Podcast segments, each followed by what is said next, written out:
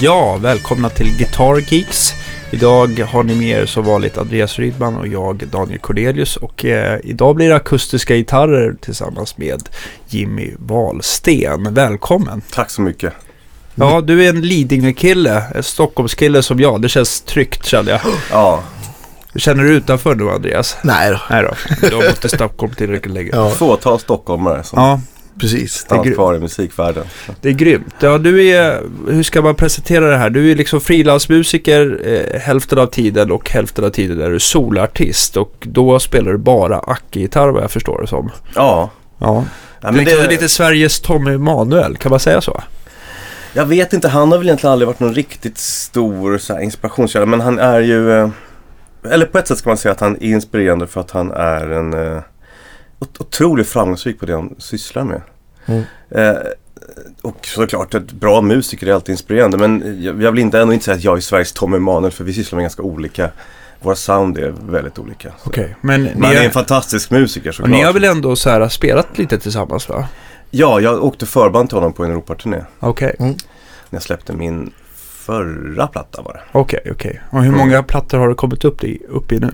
Tre på Candy Rat och sen så har jag faktiskt en fjärde på gång. Jag tänkte släppa en vinyl till våren. Aha. Ah, Och det, det är baserat på material jag gjorde som ett beställningsjobb för ja, ett och ett halvt år sedan. Som jag gjorde 20 låtar på ett bräde till faktiskt Epidemic. Okej. Men vi blev så nöjda så jag tänkte vi skulle släppa det här materialet också. Ja. Okej, men det Ja, blir ja. ett eh, annat bolag då? Då, blir det i sådana fall att jag släpper det som en vinyl på Epidemic. Och materialet är Okej. redan liksom smygsläppt på Spotify nu under våren. Men under liksom ett arbetsnamn. Men vi ska inom kort här Det är paketera om ingenting det. vi ska om, eh, liksom avslöja just nu. Det kanske, vi får lägga upp det på Facebook när det är aktuellt kanske. Ja, precis. Man får gärna gå in och lyssna men det kommer komma, man kommer inte missa när jag väl börjar promota det. Liksom. Ah, Då ska jag okej, okej. göra det. Då blir det en, en ja, ny omslagsbild. Jag ska paketera ihop allting. Liksom ett nytt album, titel och Mm. så blir det en liten en ordentlig release av det. Mm. Schysst. Ja, det är Coolt. kul. Ja. Jag tänkte på, vi har ju liksom alltid börjat lite så här k- kronologiskt Ja. med alla våra gäster och liksom fråga en, liksom när, när liksom kom intresset för gitarren till dig? Ja, det, det måste nog varit när man lyssnade på rock som barn. Mm. Och eh, egentligen första stora sådär inspiration var väl Kiss egentligen. Mm. Okej, hade du börjat, var det det som fick dig att börja spela gitarr liksom? Att, eh, Ja men det var kanske då man insåg att det här jag måste ju hålla på med. Mm. mm. Sådär, Ace Frehley. Nej men även såhär glamrock-tiden. Mm. Tänker mig, tänker mig liksom Heavens on Fire-plattan. Ja, just det. Ungefär den tiden. Ja.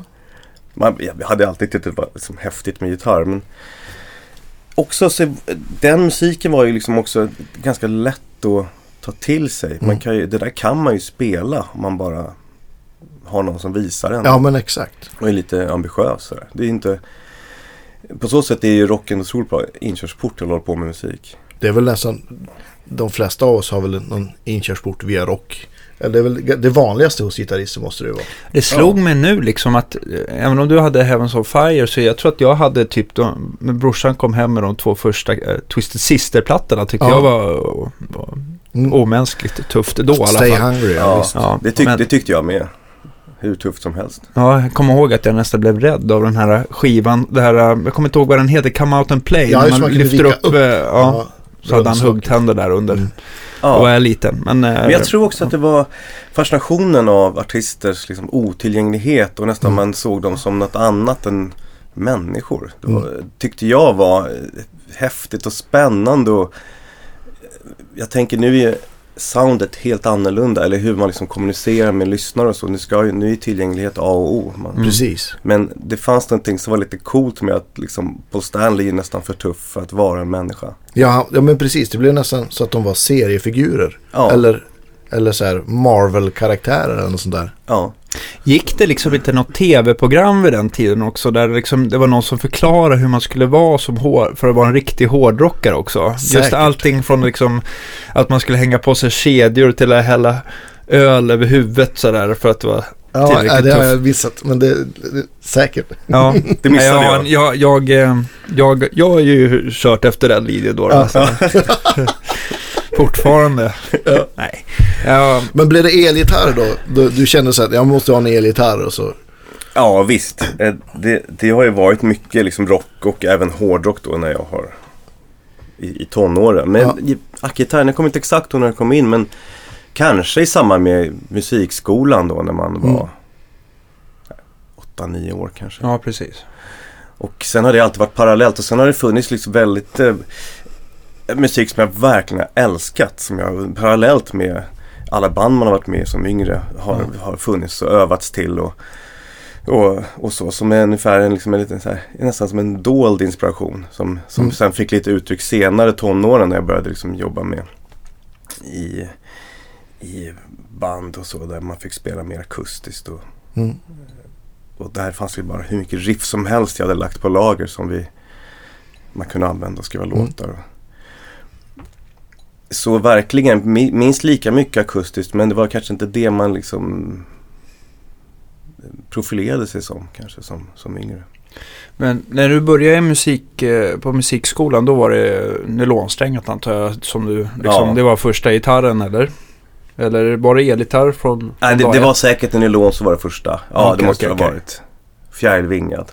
Ja men typ så här gubben Noak eller Ja, precis. Lilla Snigel eller vad det blev.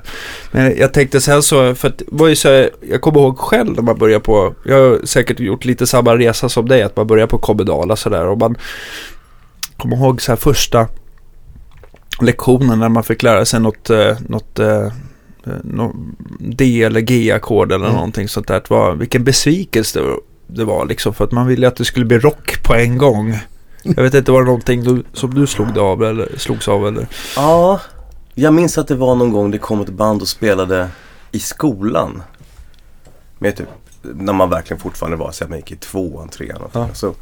Med så stentuffa killar i övre tonåren som spelade rock. Och jag, man visste liksom inte hur, hur kan det låta sådär fantastiskt om en Ja. gitarr? Låter den sådär utan förstärkare också? Att man liksom hade inte riktigt alls fattat konceptet med hur, vad dist var.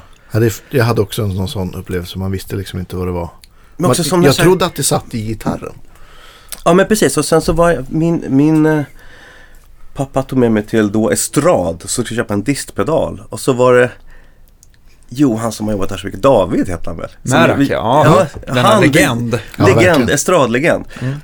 Han lirade typ ett bluesriff med en tube screamer. Bara, är det den där som gör det? Jag tyckte typ att det var det coolaste jag hade hört, bara det. Så här, Ja. in, instruktion i musikaffären. Ja, Bara förstå vad sound har för ursprung. ja.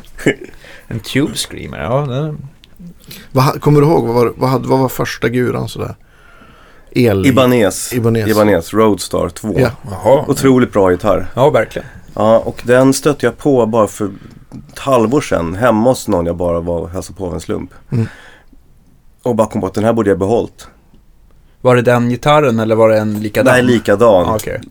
Som då väldigt sällsynt. Har ni stött på det någonting? Så här, man ser aldrig i någon butik eller liknande. Nej, Nej. alltså de var ganska vanliga när jag jobbade på Second Hand Music. Eh, då dök de där upp med Ja. jämna mellanrum. Då kanske man tyckte att de var lite så här out of date. Det var inte det senaste Floyd Roset på eller vad det nu kunde vara. Hetaste mickarna. Men, men liksom så här i efterhand när man, det var ju ändå bra japansk kvalitet tyckte jag. Så att det, Ja, ja. det är liksom, jag förstår. Det var en jättebra första elgitarr i alla fall måste jag säga. Ja, jag saknar den där. Ja. Nej men de, eh, jag ska hålla utkik. Åh snälla. Mm. Ja. Vilken färg vill du ha? Svart helst. Svart Mm. Så är det någon där ute som har en svart Roadstar så är Får ni det... skriva till, till Ja. Jimmy. Ja. Eller till Men helst att de där, de ni vet de här fuktighetspåsarna som gör att man behåller fukt i caset. Ja. Som sprider någon sån här ny lukt. Ja, just det. när man ny, ny, ny gitarr. Det, det ska helst ligga kvar i caset då så att man får De måste vara den kvar. Ja. nostalgiska vibben av att Doftminnet. Vi lägger på en nolla på priset då om de Ja. är kvar. Ja. Man går ner och sneglar i, i källaren och ser vad man ska få i julklapp. Så ligger en Roadstar 2 i ett case och luktar sådär gott. Då bara Ja. oj oj oj. Mm. Här kan Det, bli ska, något. nej, men det låter inte som någon omöjlighet. Då. Hur gammal var du då? Då du började spela, då du fick Roadstar? Nej men det måste varit 10-11 kanske då. Ja, Mm. Blev det band då direkt liksom? Ja, jag hade, det fanns ett gäng äldre kille jag kunde få hänga med och spela med. Ja. Så jag minns att vi gjorde första konserten sådär när jag var, gick ut sexan Mm. på skolavslutningen. Ja. Nervös? Nej, jag minns bara att det var riktigt kul faktiskt. Ja. Mm. En låt och så hade vi pyro och allt. Oj. Yeah! Mm. Vad körde ni då? Något eget skrivet Ja. med mutat A-komp. Ja. Tugg. Mm. Visst. Så jag tänker, du, i och med att du är uppvuxen på Lidingö. Eh, så ja, klart att du känner Lasse Englund nu. Men, men var han inspiration för dig? Så här, liksom då du kom in på den akustiska biten sådär. Ja, definitivt. Jag skulle säga att han är min enda inspiration. Okej. Enda inspiration? Ja, men jag tycker att han, eh, han har lämnat ett sånt stort avtryck. Han har gjort en, några fantastiska inspelningar. Det är egentligen den enda, eh, enda jag verkligen lyssnat på akustiskt. På, på, på den, inom den här instrumentala akustiska genren så skulle jag vilja säga att han är min enda inspiration faktiskt. Oj, vad intresserad jag blev av, Ja, av Nej, men det är helt underbar musik han har gjort. Ja. Ja. Plats som heter- som heter Anchor. Ja. Och ni vet, han höll ju var inne på det här med öppna stämningar och Mm. eh, otroligt bra soundbildning. Väldigt bra eh, kunskaper kring hur man mickar också i studio Mm. Ja, för att få låta sådär. Ja, det där Otroligt ska vi komma till liksom hur man, hur man, eh, vad man ska tänka på just när man mickar upp en akustisk gitarr och vad du letar efter hos en akustisk gitarr för att liksom för att Ja, det akustiska gitarrer, det känns ju som att elgitarrer finns det mycket eh, tyck och smak om hur Ja, de ska visst. vara sådär. Men det är ju minst lika mycket på akustiska gitarrer för att man ska liksom falla pladask sådär. Så, vad, man är ute efter. Oh ja, verkligen. Ja, men där har jag lärt mig mycket även faktiskt av honom rent micktekniskt Mm. i studio. När lärde du känna honom? Nej men vi, det var också någon gång där i tonåren, kanske 15, 16 kanske. Mm. Någonting sånt. Ja. Nej men jag umgicks eh, med hans eh, son och Fredrik. Hans, ja precis, Mm. och hans eh, styvdotter. Mm. Och så var vi där och jobbade och spelade in och jag fick liksom Mm. jättemycket bra med mig därifrån. Okej, så Ja, han var som kul. en liten mentor där. Det under- kan man verkligen säga. Mm. Mm. Har ni någon kontakt idag också? Ja då. Ibland känns det som man inte har kontakt med någon för att man bara är så himla Ja, exakt. Ni vet, Ja. sociala livet får ju verkligen stå åt sidan när man är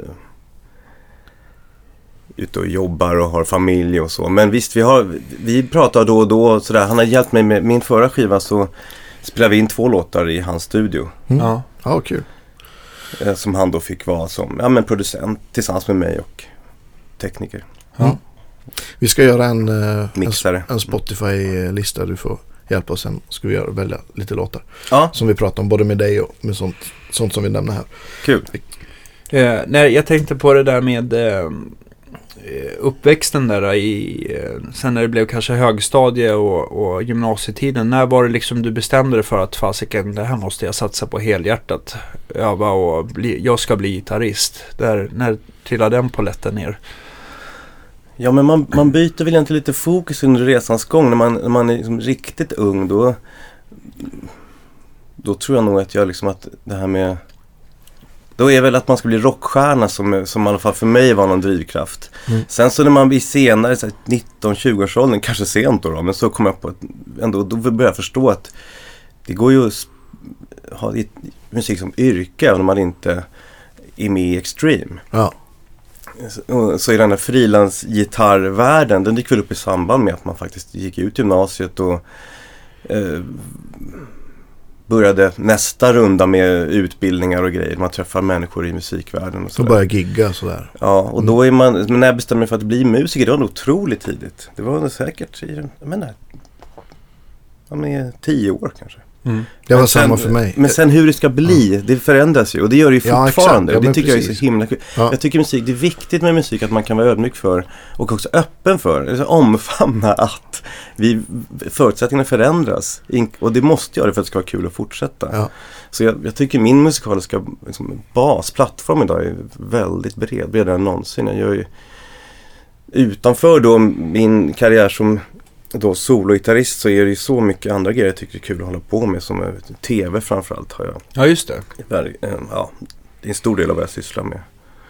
Både som eh, kapellmästare, kanske främst, men också som redaktör vad det Mm. gäller i, styra upp live-biten i olika Du underhållningsprogram. har gjort, vad heter det här programmet på somrarna?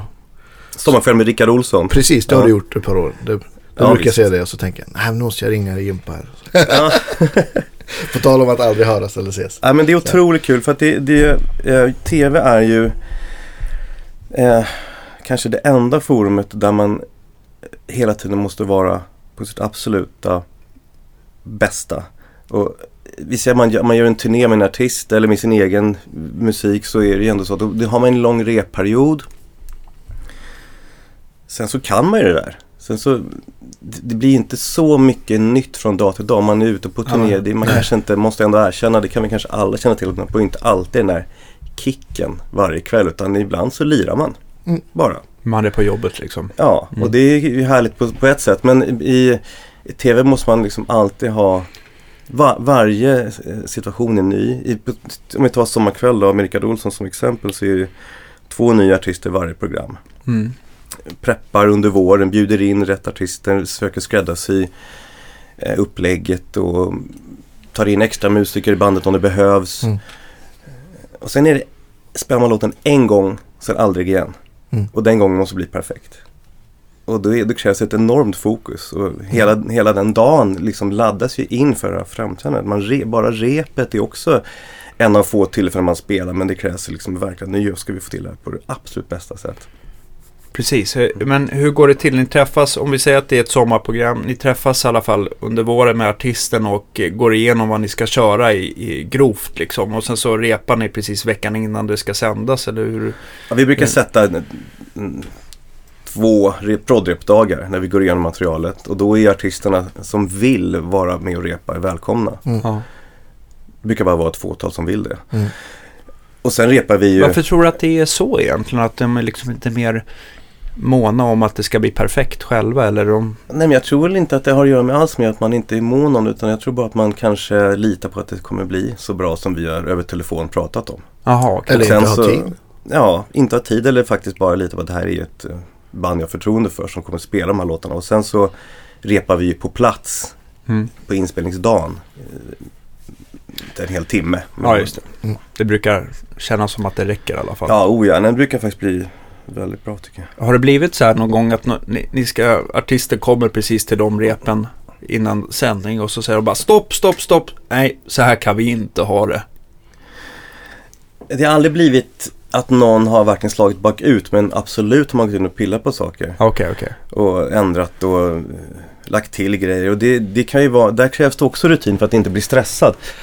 För jag vet ju hela tiden att vi har bara en kvart till. Ja. Mm.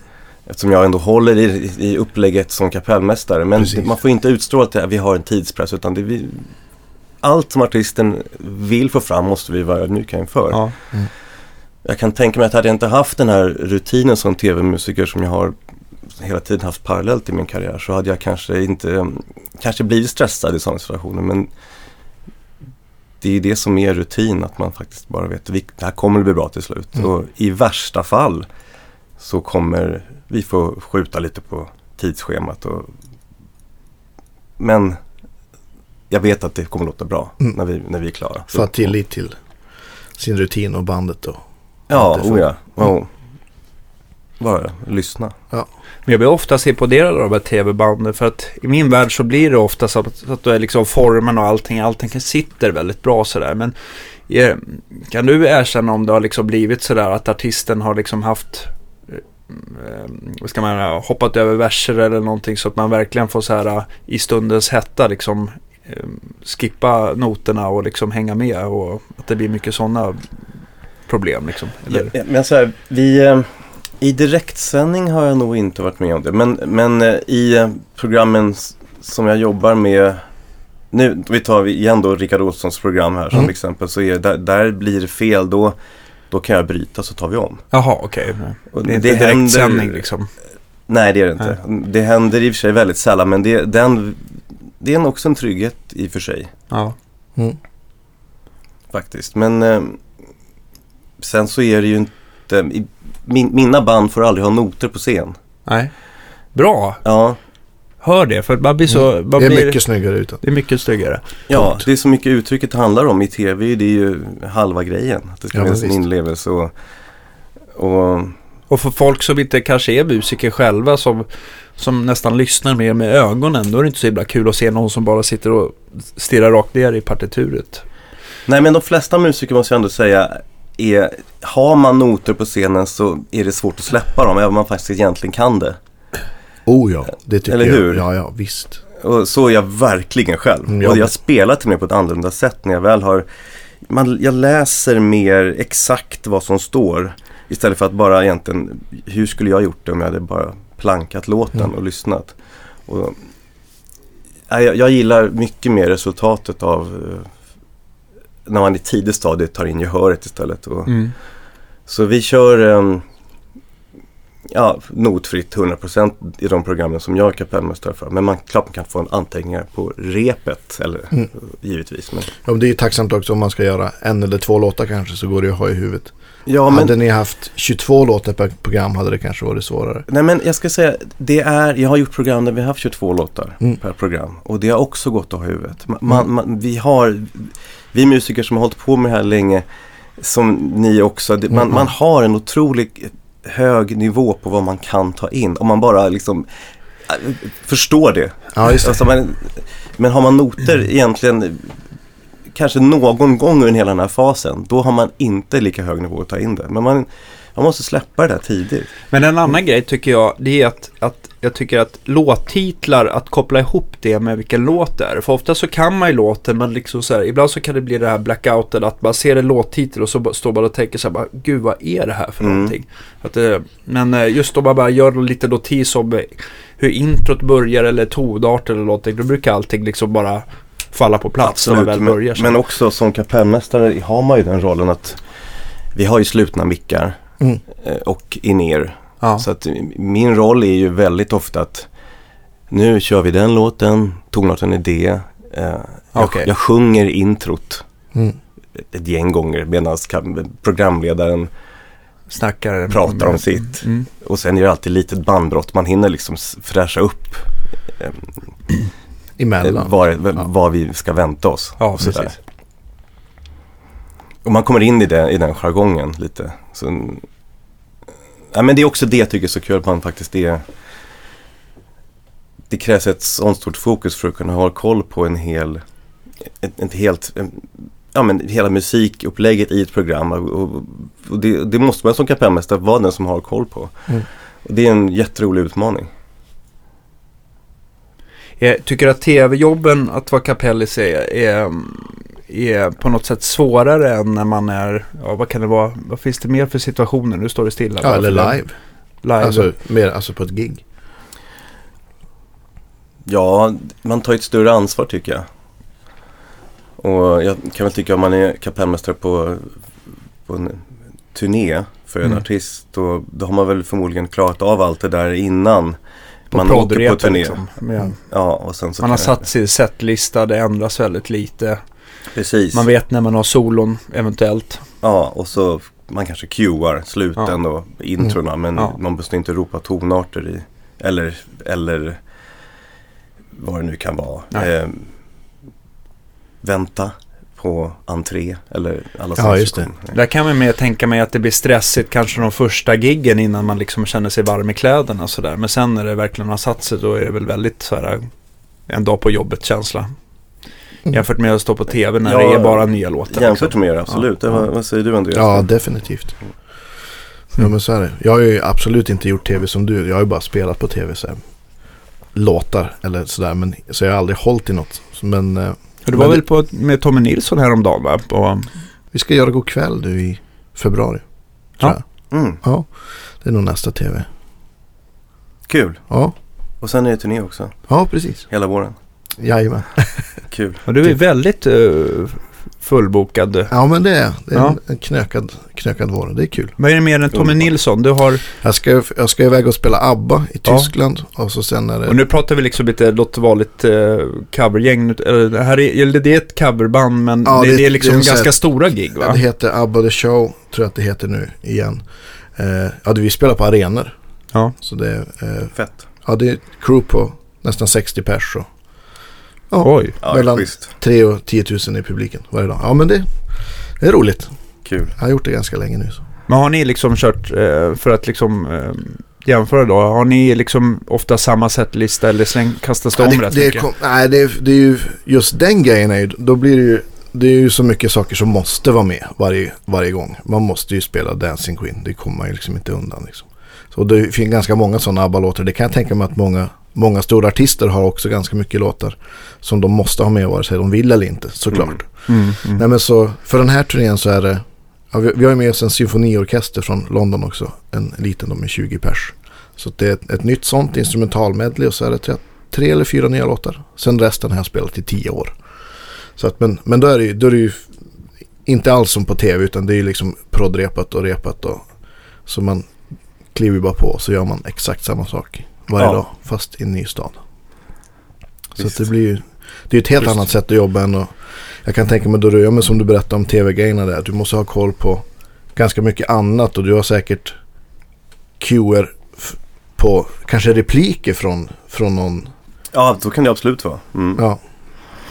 Så det är ett, så ett helt Mm. annat sätt att jobba. Ja, absolut. liksom ja, jag TV. förstår. Men det, ja, men det, det är också det, det är mångfalden som gör att det är roligt att leva ett liv som musiker.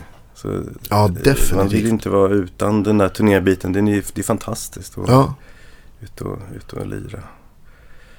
Så visst. Härligt gäng. Mm. hur, hur, eh, då du började göra din egen musik sådär och hur, hur kom det sig att du, började du bara skriva låtar eller gjorde du ett, ett val att ja, men nu ska jag, nu är det dags att göra en platta eller hur?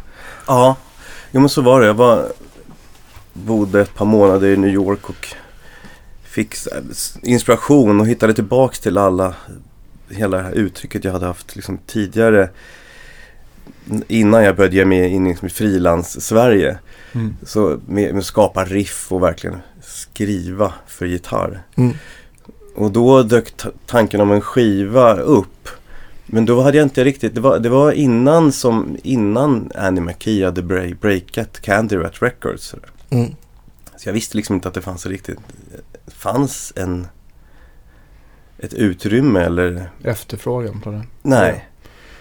Men sen visade det sig då när jag kom hem igen och började fortsätta med materialet och, och då såg jag, men det här är ju redan en akustisk gitarr är redan, redan ett fenomen på YouTube. Det finns ett skivbolag som specialiserar sig på den här grejen. Mm. Jag måste dit och då bestämde jag mig för att jag ska släppa min platta på Candy Rat. Eh, Och så började jag liksom jobba mot det målet. Och, Mm. Så den, min första skiva tog säkert tre år att göra. Och vilja ha hela paketet klart med videos och liksom mer som ett singelsläpptänk. Alltså jag, min, min, solokarriär är ju en, en väldigt alternativ genre men den är formad ganska mycket som en popkarriär. Mm. Eftersom jag har gjort så mycket lanseringar åt olika artister så har jag liksom lärt mig att tänka ur ett, skivbolagsperspektiv. Mm. Så när min första skiva kom då hade jag videos klara och eh, nej, men hemsida, bilder, liksom rubbet. Så jag, jag kom till Candyrat med En färdig en produkt bra, liksom. Mm. Ja, en bra produkt. Det var, inte, det var inte färdigt men jag hade eh, mixat sex låtar redan och gjort video och lagt ut redan sådär på, på Ordentligt YouTube. förberedd kan man säga. Ja, absolut. Men så hade jag också väldigt bra ingång dit för att jag gjorde en jag kontaktade Don Rost om ni känner till honom. Han är också en sån här jättenamn inom den akustiska världen. Och frågade, jag vill åka förband till dig. För jag tycker du är så bra och jag, jag såg att han hade så himla intressant följe och bra turnéplan. Och, och då sa han ja till det. Och i samband tyck, tyckte han så här, men ska inte du också släppa en skiva på Candyrat när vi gör det här? Och då var det exakt det jag ville. Mm. Så då Och rekommenderade ligger han, på- mig. Ja, okej. Precis, han har varit med och skapat det. Han rekommenderade Annie McKee till Candy Rat också. När det begav sig sådär. Så det var liksom världens bästa ingång dit. Och då blev det så. Sen har jag haft, haft, har jag haft en jättefin dialog med dem och släppt två till plattor där. Vilka- De är liksom speci speci specialiserade på liksom akustisk gitarrmusik då, Canduret. Ja, det är de. De är fortfarande absolut största namnet inom inom genren då. Eh, Ja. som, som label sett. Ja, det här Men är en det finns helt, ju- helt ny värld för mig. Så, ja. Ja, nej men där har man liksom ett garanterat följe om man släpper en skiva. Ja. Nu är det ju mer mättat. Nu, nu finns det också så... Nu är det så många som har fått upp ögonen för att... eh, Eller vill komma in där och eh, Rob Poland som driver Candrat har också öppnat för att släppa kanske en låt i taget eller, eller promota någons video utan att släppa någons platta. Så det är Ja, liksom det. ett större utbud på Candrat och det är inte lika det är inte lika tufft att få, det är inte lika svårt att sätta den labeln på sin, på sin release. Som det kanske var förr. Det, finns, det är viktigt att, att det finns liksom fler aktörer också. Nu finns det ju andra skivbolag som är intressanta också. Men jag skulle säga att när jag släppte min första skiva, mina två första i alla fall, så var det ju eh, en enorm cred att få hamna just där. Mm. Och det gav mig liksom en, ganska fort en, en hyfsad fanbase. Ja, du når den publiken. Du, du når din publik direkt så att Ja. Mm. på det, då var det egentligen det enda sättet. Mm. Medan man då idag kan ju säkert på ett antal sätt nå, en, en, nå sin publik på ett annat sätt. Tack vare att någon redan har liksom banat väg för det som Candrat gjorde. Mm. Så det finns ju hur mycket gitarrmusik som helst på YouTube och det finns ju Kollar man på Spotifys related artists så kommer det ju inte bara upp så här Candrat-gitarrister när man, som man förknippas med. Så det är ju en mycket bredare marknad, genre. I, I dagsläget, vad tycker du är den bästa liksom, marknadsföringssättet för dig? Är det liksom att vara väldigt eh, aktiv på sociala medier eller ha en egen YouTube-kanal eller bara ut och spela? Eller vad är, vad är, liksom hem, vad är receptet för din framgång nu? Min framgång har ju baserats på att jag har fått- stor framgång på streamade sajter som YouTube och Spotify. Och det gör att man sen kan turnera och, och, och sälja in mig då på turnéer. Men jag, jag tror väl egentligen då att själva receptet för att kunna leva som artist, det är ett flitigt turnerande. Mm. Oerhört flitigt måste man jobba för att kunna, man måste komma tillbaks, tillbaks, tillbaks så att man får ett fäste i Tyskland. Då, då är det, det får inte dröja länge när man är där och presenterar sig själv igen. Och det är där som man måste också ta ett beslut då i sin karriär. Vad, vad, vad siktar man på? För jag, jag tror att alla kan, ja men alla som har en, en produkt som de brinner för och som är kvalitativ kan, kan skaffa sig den där plattformen. Man måste bara jobba otroligt hårt och då räcker det inte med att man kanske har ett bra Instagram-följe och släpper häftiga videos. Utan det måste vara att man turnerar väldigt, väldigt mycket. Mm. Eh, I Sverige har jag märkt själv i alla fall att det är ju inte så lätt att liksom turnera i veckorna. Det går ju att hitta helgspelningar och kanske inte så svårt. Men i Tyskland är det ju ett helt annat klimat tycker Mm. jag. Upplever du det också i din genre? Att det liksom, när man kommer just till Tyskland, England och övriga Europa och kanske USA. Att det, liksom, det går verkligen att köra och turnera och spela varje dag liksom, på ett annat sätt. Jag, jag håller verkligen med om att det är en helt annan eh, atmosfär där. Man, man, eh, jag, jag är i Tyskland en, två veckors period på våren och kanske mm, någonting i stil med det på hösten också. Så, eh, men varje dag skulle jag inte kunna turnera. utan Det är det man måste bygga upp också. Det, Mm. och det, det var det jag var inne på att man måste ju faktiskt ta beslutet också. Har jag liksom energin och kraften och viljan att bygga upp det? Vill man ha ett liv som, som är 200 gig om året artist?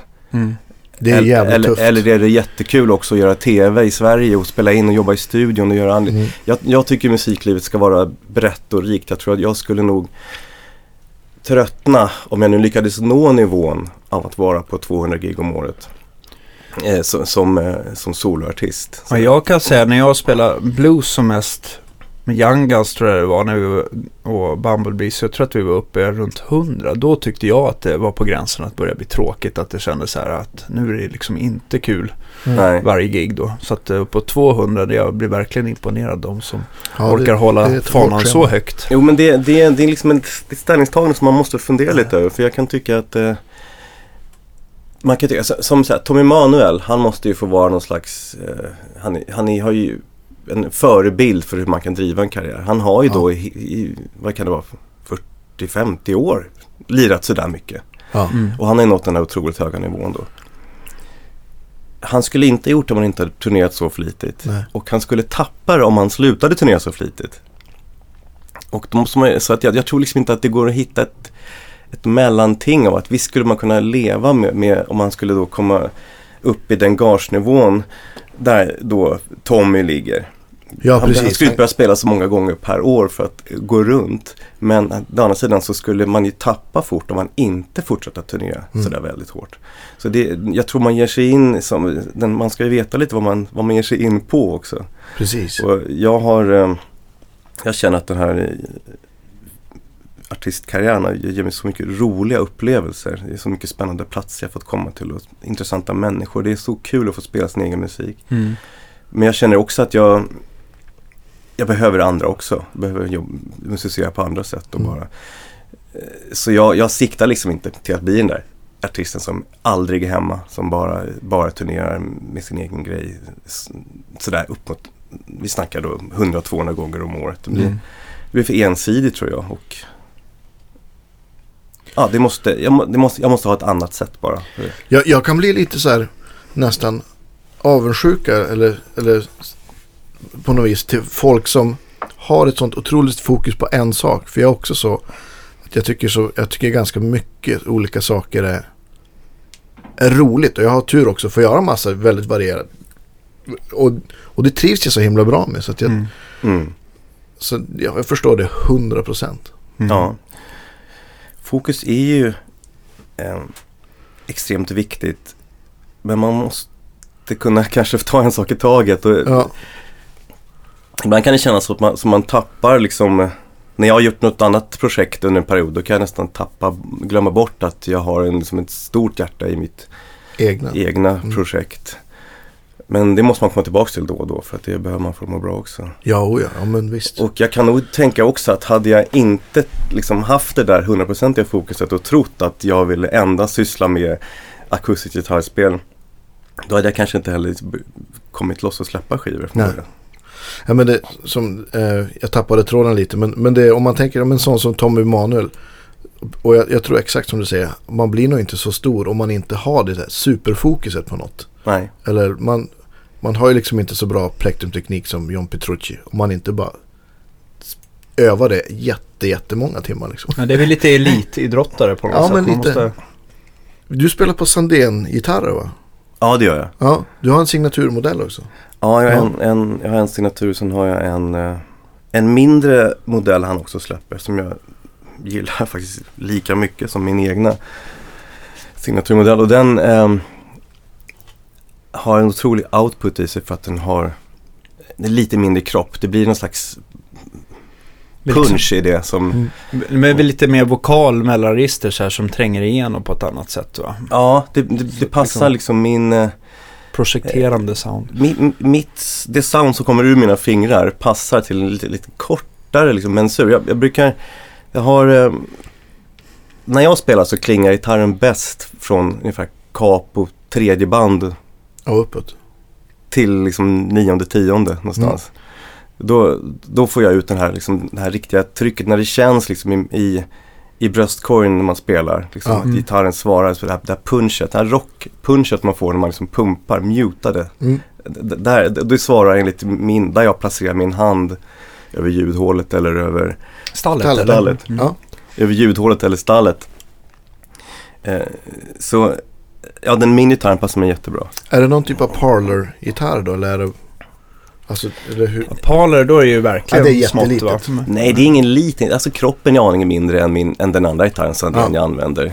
Är det den Eh, vanliga eh. gitarren, nu har inte jag den bild framför mig, men är den mer som en så här klassisk Martin Dreadnought eller är den, är den, är den också är den jumbo-gitarr eller vad är det för form på den sådär? Standard size eh, cutaway. Cutaway, okej. Eh, och alltså greppbrädorna är lika stora på båda gitarrerna. Okej, så Mm. det, är det samma skallängd? För att det finns ju ofta så här två eh, standarder som folk bygger efter. Antingen så kör man Gibson-skallängden som är 24-75 tum. Mm. Då, då. Eh, och då är det alltså, pratar vi avståndet från översadel till stallben. Och sen så finns det ju då liksom mer Fender-skalan eh, då som är med 25,5 som också många håller sig efter. Jag har för mig att de, det, det kan ju variera en del sådär. Jag vet att Martin bygger eh, både och. Deras dreadnoughts och trippelnollor de är alltid fullskaliga. Sen så kommer det till exempel Eh, nej, OM, förlåt. Medan trippelnollan är då eh, lite kortare Gibson-mensur på. Så att det kan vara vad man liksom känner sig mest bekväm med. Ja, jag önskar att jag kunde svara på vad jag använder. Ja, Eh, ska vi ta reda på. Ja, det kan vi Ja. faktiskt. Det tar man lätt reda på med ett litet klick på hans hemsida. Ja. Ja, Eh, på min, eh, då min andra gitarr, den, den lite mindre modellen, där har jag huvudet lite kraftigare lutning på. För jag brukar ofta stämma ner, använda den gitarren till en speciell stämning. Ja. Och då har jag bassträngen ner till, ner till cis. Ja just det. Och det då behåller man liksom tension i den strängen genom att ge en lite kraftigare lutning. Måste du plocka ihop sätt för att det ska funka? Eller finns det liksom färdiga sätt som du kan liksom använda dig av? Nej men jag skulle kanske tjäna på att plocka ihop ett sätt men jag gör ändå inte det. Den där speciella stämningen är, är cis på, på topp, Ja, B och sen A som man höjer upp ett helt tonstycke på G-strängen. Sen Mm. cis, A, cis. Så man, man ris- riskerar ju att få att liksom, de nedstämda E-strängarna aningen lösa och G-strängen blir ju Väldigt väldigt, hård. hård. Mm. nästan så att den risk att den går av då. Ja det händer ju liksom. Ja. Det är därför jag försöker hålla gitarren alltid i den stämningen. Ja. Just det. Men, men man, eh, så det skulle ju kanske vara lite smidigt att plocka ihop ett kit om man har, om man pallar helt enkelt. Om du själv får välja, vad, vad kör du för strängfabrikat sådär? Eller tjocklek? 1152. 1152? Ja, jag Ja. gillar Dadarus lila set. ja. Är Och det, det- fosforbrons eller? Ja, det finns ju både Det är 80 det, och va? 20, Mm. men jag har för mig att det blir fosforbrons va? Ja, de är ju liksom lite kopparfärgade. Man ser nästan skillnad på en fosforbrons och en 80-20 brons. Att den 80-20-legeringen den ser nästan mer guldfärgad ut och fosforn ser mer liksom kopparfärgad ut. Mm. Så att det blir lite olika sound av dem. Jag upplever att den här 80-20-legeringen blir lite mera mellanregister och lite, lite, kanske man kan säga lite hårdare sound med. Mm. Eh, sen så diskanter, jag skulle inte säga att det är mer eller mindre diskant. De är ganska övertonsrika bägge två. Bara att liksom beror på hur mycket handsvett man har. Har man relativt mycket som mig så Mm. tar de ju slut rätt fort oavsett. Då. Om du Ja. kör en... Räcker, räcker ett set flera konserter eller hur ofta byter du? Om du är ute på och gör din grej liksom Jag solo? byter ganska ofta ändå. Försöker, jag brukar ha med mig två gitarrer. En Mm. gitarr då som är stämd just i den där, den där stämningen som är lite tuff att komma in i. Den liksom Mm. måste, det tar lite tid att stämma. Så det vill jag inte lägga för mycket tid på egentligen live. Så Mm. då, den har jag alltid stämt så. Och sen är en gitarr som jag stämmer om då mellan låtar men inte lika dramatiska eh, avstånd. Mm. Och eh, den gitarren byter jag mycket oftare på, säg var tredje gig kanske. Mm. Medan den andra gitarren som är kanske bara två, tre låtar per konsert får Ja, kanske stanna typ en hel turné. Ja. Eller, liksom 10, 10 gig eller något så. Jag tänkte på 11 till 52. Det är ju akustiska världen relativt eh, tunt ändå. Absolut, Då. ja. Eh, är det för att du vill ha liksom lite mer övertoner eller är det att du liksom inte ska bli trött på konserterna i fingrarna eller är det varför har du valt det? Nej men det, det är bara, det passar bara med min stil. Eh, Jag har ju prövat köra, jag hade liksom 13 ett tag.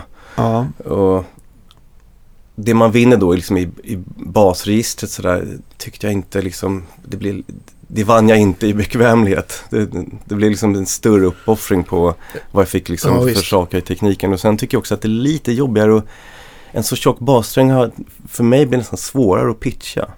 Mhm. Jag tyckte att det blir lite mer känsligt hur, liksom, hur det, kan, det är en vanlig sak också såklart. Men Ja. jag, jag tycker liksom att eh, G, här, de- den tonen, bastonen blir liksom svårare att hitta rätt liksom, styrka eh, Mm. i, i vänsterhanden med. Men att jag inte alls upplever det med, med lite tunnare strängar. Intressant.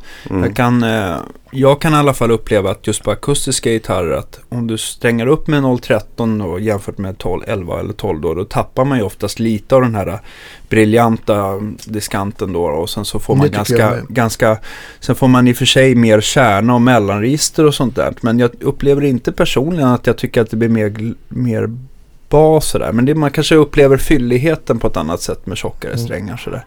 Men, eh, och kanske att man då tycker att det blir lite volymstarkare. Men jag är nog också eh, inne på som dig att jag föredrar nog hellre 11 än 13 i alla fall. Ja, men det är också min spelstil. Jag, jag plockar ju så mycket med höger. Jag använder lillfint jättemycket i högerhanden. Ja, Det får liksom inte vara för trögspelat. Det blir bara jobbigt. Mm.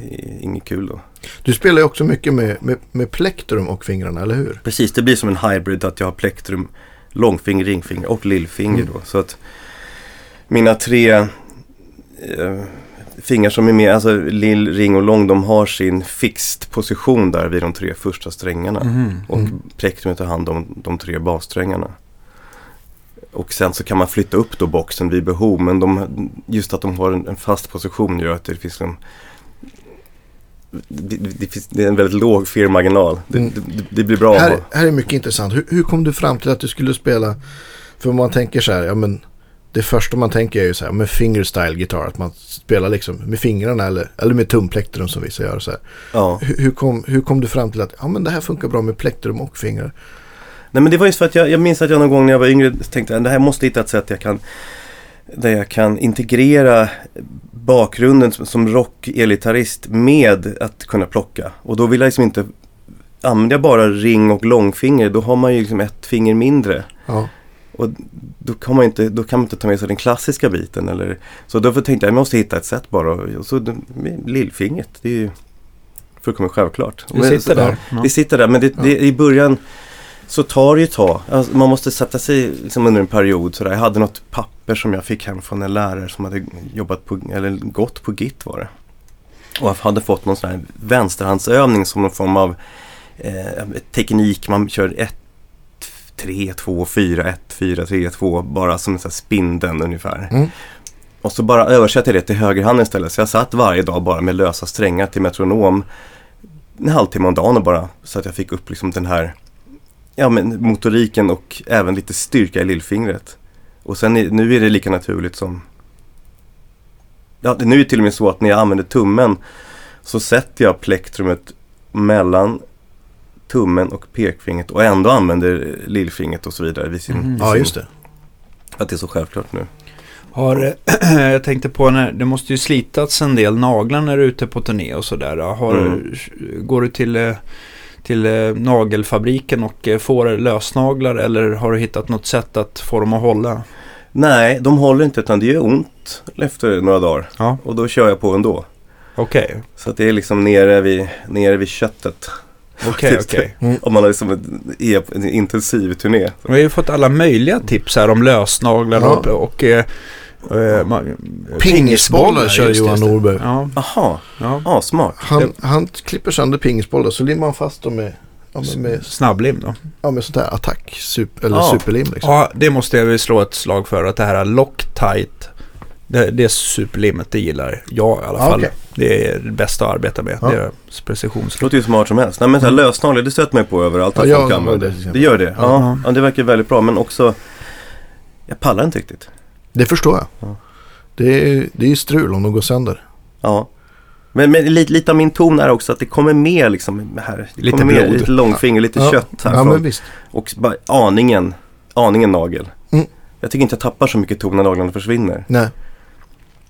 Du kanske har byggt upp också riktigt hård hud där också så att det liksom det blir nästan som ett nagelsound bara. Ja men så ser också naglarna helt konstigt ut. Det är så här helt vinklat. Som en Ja, just för att du har, liksom. har Ja, liksom okej. Mm. nött dem liksom. Ja. Coolt. Ja, det är just, jag använder ju aldrig lillfingret då jag, då jag spelar liksom. Så, att, så det kanske man borde öva upp. Det är ju sant. Det Det är väldigt användbart faktiskt. Det Ja. sitter ju där och det är precis lika kompetent finger som, som ringfingret. Ja men visst. Jag använder jättemycket hybrid picking när jag spelar tele och spelar countrygitarr liksom. Ja, jag vet, Eller ja. rock också. Men, eh, men eh, jag vet inte varför jag inte har använt lillfingret.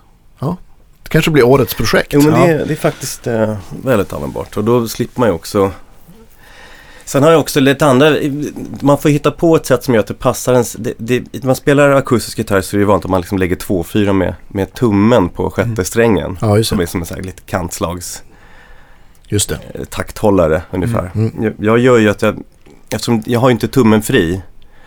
Så jag har en ring på vänster tumme istället som jag knackar på gitarrhalsen. Aha, okej. I två, eh, två fyra eller vad man nu tycker rytm som passar. Det finns ju en, det ska vi lägga upp videon på den. Ja, Det finns ju en bra YouTube-video där du spelar. Kanske ja, visst, flera. ja, det finns nog en hel del tror jag. Ja. Men, men det är ju så här att det är också bara för att kunna, det, det är faktiskt bara för att kunna använda plektrum som man sitter på andra varianter att plocka in. Ja, just det. det virvel inom citationstecken. Ja, Två, fyra. Ja. just, just. Eh, men jag tänkte på din Sandén signaturmodell där. Mm. Eh, jag antar att ni liksom eh, gjorde Sandé bara ett förslag till dig att så här, det här borde passa din spelstil eller var du med och liksom styrde mycket material och halsprofiler och sånt där eller vad? Ja, jag var nere i hans verkstad så tittade vi på, vi utgick från en av hans standardmodeller som, Mm. som är ja, hur bra som helst. Ja, vad Så bara känner med små justeringar bara faktiskt. Liksom, li, lite tunnare hals hade jag och Mm. Eh, Ja, det hade att göra med ja, men viss layout och så också. Ja, så, layout, utseende, design. Och, men, Mm. men, men faktiskt eh, träslag, mest hans rekommendationer. Ja. Men vad, hade, vad har du för önskemål eller vad vill du gärna se hos en akustisk gitarr? Lite alltså, nättare hals då för spelbarhetens skull. Eh, men vill du att de ofta ska vara volymstarka eller vad är, vad är liksom, vilka kvaliteter, kvaliteter eh, liksom, lyssnar du efter i en akustisk gitarr? Vad är det som faller dig i smaken? Nej, men det, det jag lyssnar efter det är ju det här som jag sa tidigare som jag tycker lyfts fram i rätt kopparposition. Att jag vill ha det där trycket. Jag vill Mm. kunna känna att det svarar i bröstkorgen. när man liksom gör någonting. Så att det, vi ska kunna ha, ha kvar det här lite, lite rockinspirerade Mm. punchen i en, en bra attack. Mm. Söker jag. Men jag kan tycka så här att om man tittar nu, liksom här, nu säger vi generellt, för att det, det finns väldigt många variabler också, men variabler. Eh, det är att stora gitarrer, de är oftast lite mer trögstartade. Det är inte så att det, man tycker att det lämpar sig så bra för fingerspel. Utan man, gärna när man liksom daskar på ordentligt med plektrum, då börjar man känna, och nu vaknar de här jumbo-gitarrerna till liv. Mm. Medan de här mindre Palor-gitarrerna som vi var inne på, de är Mm. ju väldigt så här lättstartade och agerar väldigt på lätta anslag och sånt där. Och, och, men har ganska lågt i takt. Där ska du på med ett plektrum så känns det nästan som att det komprimerar och att det inte kommer så mycket mer volym bara av den saken. Så att det gäller att hitta, jag antar att man vill liksom hitta en akustisk gitarr som i ditt fall både svarar bra för plektrumspelet och fingerspelet där. Det måste vara en fin balansgång kan jag tänka mig. Ja, så är det ju. Och volymstyrka är väl egentligen inget, inget som jag uttalat liksom söker. Eh, jag känner inte riktigt igen att det är det jag brukar gå igång på. Mm. Men däremot vill jag att det ska finnas liksom ett bra tryck i, liksom lägre mellanregistret. Mm. Eh, har du fasta för några specifika träslag? Vissa, eh, jag tycker att det vanligaste man ser det är olika grantyper i locken sådär. Eller har du valt att använda ceder som är, har en liten annan klangfärg? Eller, är, eller lyssnar du mer från, från gitarr till gitarr? Jag lyssnar på gitarr till gitarr jag är nog faktiskt slående oinsatt Ja. i vad alla mina olika gitarrer egentligen eh, har för träslag. Mm. Jag, jag, höll, jag spelade i Larivé också ett antal år. ja, just det. Och där hade jag en gitarr som jag tycker Jag har nyss lurat på det fantastisk. nu igen. Nej men inte Nej. lurat utan verkligen liksom, De är jättefina. ja, Nysse, de- förlåt. Det, ha, det är ju liksom tycker jag den absolut bästa massproducerade gitarren som, vi, som finns på akustiska Mm. eh, planet i Larivé. Enligt min smak. Och då finns det en gitarr som jag har som jag har väldigt, väldigt tjock hals. Mhm. Som jag också lärde mig att spela på för att den lät så bra bara. Eh, Så det är tunn hals, jag, jag tycker ju skönt om man kan liksom närma sig lite sådär strata känslan i hålla en akustisk gitarr också. Men det, det är alltså inget krav, det ska låta bra bara. Det ska ha det där eh, det där rocktrycket i sig. Ja. Då blir det bra. Eh, om vi kommer till eh, ett annat problem som jag alltid man stöter på. Det är ju liksom micka upp en akustisk gitarr. Mm. Hur brukar du göra när du är i studion? Har du något, så här, något eh, recept som du alltid tycker blir bra? Eller prov, får du liksom prova dig fram för varje gitarr och med mickar och... Ja, men jag jobbar alltid extremt närmickat. Okej. Och nu pratar vi extremt. Det är inte gitarrmikrofonen eh, mellan strängarna och, och eh, resonanshålet utan eh, men det är- placeringen är väl egentligen ganska standard då att jag håller mig liksom strax till vänster om ljudhålet någonstans mellan, vad blir det, 12 12, och ja. 16. Snackar vi- ja. En mick då, eller?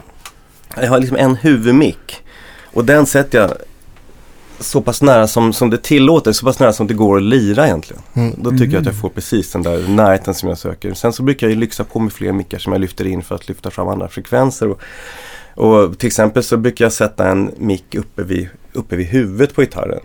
Ah, Då får man liksom de här lite mer, och använda som egentligen diskantmick egentligen. Mm, Okej. Man behöver ju ja, det blir mer lite en. övertoner och grejer där uppe i, i huvudet liksom. Ja, man kan lyxa på. Dessutom kan man ju liksom lägga bara reverb på en av mickarna. Så den mick man då väljer som, som diskantmick, jag tycker man behöver aldrig mer än en mick som tar upp botten. Mm. Tycker jag inte. Är Så- det inte oftast ett problem just när man, när man håller på närmickar akustisk gitarr att det är väldigt mycket skära botten just?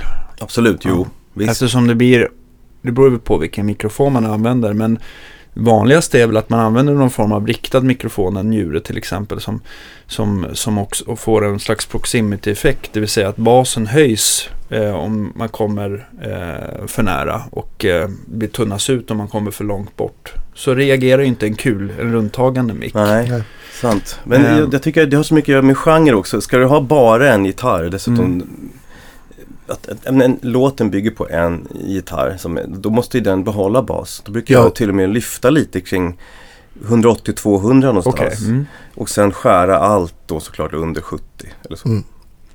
Men eh, mi- mixar man, ska man få in en låt i en, en, popsammanhang då kanske man till och med skär allt under 400. För, Okej. att, det ska, för att det ska få plats. Ja, om man lägger en fringgitarr du- Mm. och kanske särskilt med capo, då finns det inte så mycket information där nere. Nej. Nej. men det, den där botten är ju extremt viktig om man ska vara en... Jo, precis. Skönt. En Gitarrlåt. sätter du, har du testat att micka, alltså, ska man säga, nedre delen på kroppen någonting? Det har jag, testat, jag tycker inte att jag riktigt tillför. Nej. Jag har prövat alla möjliga avståndsmickningar och så. Man kan ju alltid, det är alltid kul att bara sätta ut lite på intressanta ställen i rummet. Ja, men och, och, som en, som en liksom ko- komplement till sin huvudmick. Och då, Mm. det jag märkt är att jag behöver väldigt sällan mer än två. Och en som kan liksom verkligen leka med diskanten i och en som tar upp den riktiga kärnan ur kroppen. Men då du säger nära, snackar vi alltså fem centimeter eller? Ja, jag skulle vilja säga att det Fem centimeter, då är det, då är det svårt att spela Ja. bra. Så att man, Så inte, man, mellan fem och tio typ. man vill inte vara låst Nej. kring att sitta blickstilla heller. Nej. Sådär, så att, eh, men så nära som, som, som spelstilen tillåter. Mm. vilken mikrofon brukar du välja där då? Har du någon eh, favorit? Ja, jag, jag har alltid använt AKG The Tube. Mm. Men på senaste tiden så har jag gått över helt till Erlunds. Ja, just det, de här triangelmickarna då. Mm, Nej, de är fyra. Stormembransmickar som Mm. har ju även jättebra såna här när, för att närmicka förstärkare som är lite mer som en puck. Så här. Men jag gillar de här, framförallt de här två stormembransmickarna. Mm. Och de är faktiskt tacksamma att, att sätta till visst avstånd också. Där har Mm. jag faktiskt gjort framgångsrika inspelningar när jag sett dit micken 40 centimeter över Mm. gitarren blickandes neråt. Då kan man också göra... Som en sträng magister så står han och bevakar det. Ja, jag tror att titta där. Ja. Eller, det har jag också gjort en grej, jag har varit- jag har nöjd med att jag har haft två mickar som är ungefär vid samma position. En som är lite närmare då såklart halsen och Ja, en just som är närmare så att högerdelen av, av min kropp men i samma position som blickar neråt mot gitarren så. Men de, de är väldigt, väldigt bra och liksom mångsidiga mickar. De är Men- fantastiska på akustiska instrument. Ja, det låter helt otroligt bra. Ja. Men jag, jag, även där tycker jag att det låter jättefint med närmickning. Mm. Mm. Eh, De är ju rätt känsliga. Man, man, då, får man, då kan man inte ha så stark gain på i preampen om man går på om man sitter sådär väldigt, väldigt nära. Men det låter ju fantastiskt. Ehm, jag tänkte på, för att jag tänker också att när man vill spela in akustiska gitarrer så jag gillar ju själv när de är ganska neutrala mickarna, att de kanske inte lägger till eller tar bort för mycket frekvenser. Mm. Men, men eh, man måste ju också hitta en mick som är relativt lågbrusig och där är ju stormembransmickar att föredra. Ehm, Ja. Ju mindre membran desto mer blir, brus blir det eftersom Mm. luften rör membranet och skapar brus. Just. Erlund-mickarna är ju väldigt tysta. De har ju verkligen ninja-designat liksom förstärkningen i mickarna. Så att det... Är skitbra. Ja, men jag håller Nej, de, de är otroligt tysta. Det är, Ja. det, som, det är en av de stora grejerna med de mickarna. Ja. För jag Ja. blir så, man kan ju noja ihjäl sig på brus. Mm. Ja. Det var någon gång jag satt och gjorde om, jag rev en hel prodd liksom. För jag kände, för det ligger något brus, jag blir inte av med det. Mm. Man Särskilt, det särskilt, särskilt rörmickar kan ju ha det. ja, liksom. absolut. Ett Ja. brus som, ja men det, man får med det. Och Jag det kan tänka mig också om man använder en, kanske en kompressor fel så förstärker den upp mycket brus också. Sådär. Mm. Eller en rör mic preamp kan väl också addera lite grann. Ja, så att, ja, en kompressor lyfter ju det som finns liksom. Så att, Ja, vad, vad är signalkedjan sen efter, det, efter eh, den här Erlund-micken? Använder du den, går den rakt in i ljudkortet eller brukar du, har du en, en En Jag, jag brukar gå in i eh, Universal Audios LA610. Mm. eh, Mm. kompressor. Rock ja. preamp. ja, just det. Eller faktiskt då, live har jag ju min Pendulum preamp och Mm. den funkar också fint i studion. Mm. Känt att den kanske är lite brusig någon gång också. Och det är Mm. man så himla känslig för. Men ja, Ja, när, när, vi, ska ju komma, vi ska ju komma in på live-ljudet också tänker jag, men brukar du mixa in i studion någonting av de inbyggda mickarna i gitarren? nej, aldrig. Aldrig. Jag tycker det låter fantastiskt med de mickarna jag använder live men i inspelning tycker jag ändå inte att det, att det kommer nära en En bra mick. mickning. Komprimerar du någonting på preampen på det du spelar in eller komprimerar du sen? Komprimera lite grann. Någon dB bara eller? Jag är nyfiken. Nej, men jag, tänker, jag tänker då, de som är bekanta med, med LA610 Universal Audio, jag, jag tänker ungefär kvart i, tio i på regeln. Okej, Om det säger något. Fyran ungefär. ja. Fyran av tio. ja men fyra gångers kompression. Mm. Och så kanske ta någon dB eller två på in. Mm. Hur sen, men det, jag tycker det är kul också, om man lyssnar på dina skivor så, så gör du, du gör mycket roliga så här effekt eh, grejer och sånt. Men för, för er som inte har lyssnat på Jimmys musik så måste ni göra det. Och det som jag tycker är, är din styrka också som kompositör att du gör det, det känns lite grann som poplåtar på något vis, uppbyggnad och ja men de är det är lätt att, lätt att ta till sig och intressant liksom. Och så sen gör du roliga liksom så här, ja, men grejer med reverb och panoreringar och Nej, men det, är väldigt, det är väldigt medvetet att det ska finnas en, ett traditionellt poppare i låtarna. mm. För jag, jag tycker att instrumentalmusik är tillräckligt avancerad att ta till sig i alla fall. För- mig finns det en supertydlig struktur i, hur, i mina låtars uppbyggnad. Och, och generellt är det som, som en, en poplåt på radio. Och är det inte det så är det också, har jag, motiverar jag det för mig själv väldigt tydligt. Eh, ja, Det här låten behöver sticket som intro. eh, Så. Men jag, Ja. det finns en, liksom, struktur som jag verkligen jobbar efter. Mm. Och jag tror att det gör min musik eh, kanske mer lyssningsbar än, än folk som eh, bara är helt fria i sitt skapande som mer som konstmusik. Och det ser man ju mycket i, inom min genre. Mm. Att, det, att det finns, eh, där, där det bara är gränslöst. ja. Man, man, det finns, det får plats med hur mycket riff som helst för det är ingen som bestämmer utan det är fin musik, fint ljud, fin teknik. Men för mig måste en låt ha liksom ett, ett hit-tänk för att jag ska tycka att det är intressant att jobba med det och lyssna på det sen också. ja, det låtar helt enkelt. Ja, rakt av sådär.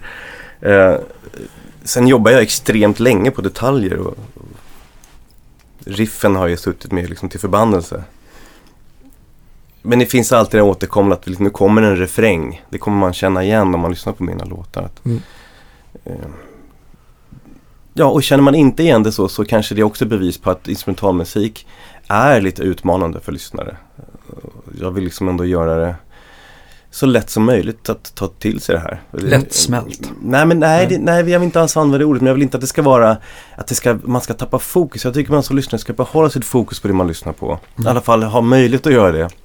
Och blir det bara eh, riff på riff och toner och då blir det, det man tappar fokus. Det är ingen rolig, det, det, då blir det bakgrundsmusik. När det faktiskt Ja men visst, man får inget att hänga upp det på. Finns det liksom en, en vers och en refräng och då, då, blir det då blir man lite glad och den där delen som man tyckte om förut kommer igen. Ja men precis, en lyssnare känna. måste känna rent bara, inte kanske uttalat men bara i, som en van lyssnare att det här partiet kommer komma igen. Jag gillade det här, den här som då kanske var en refräng. Mm.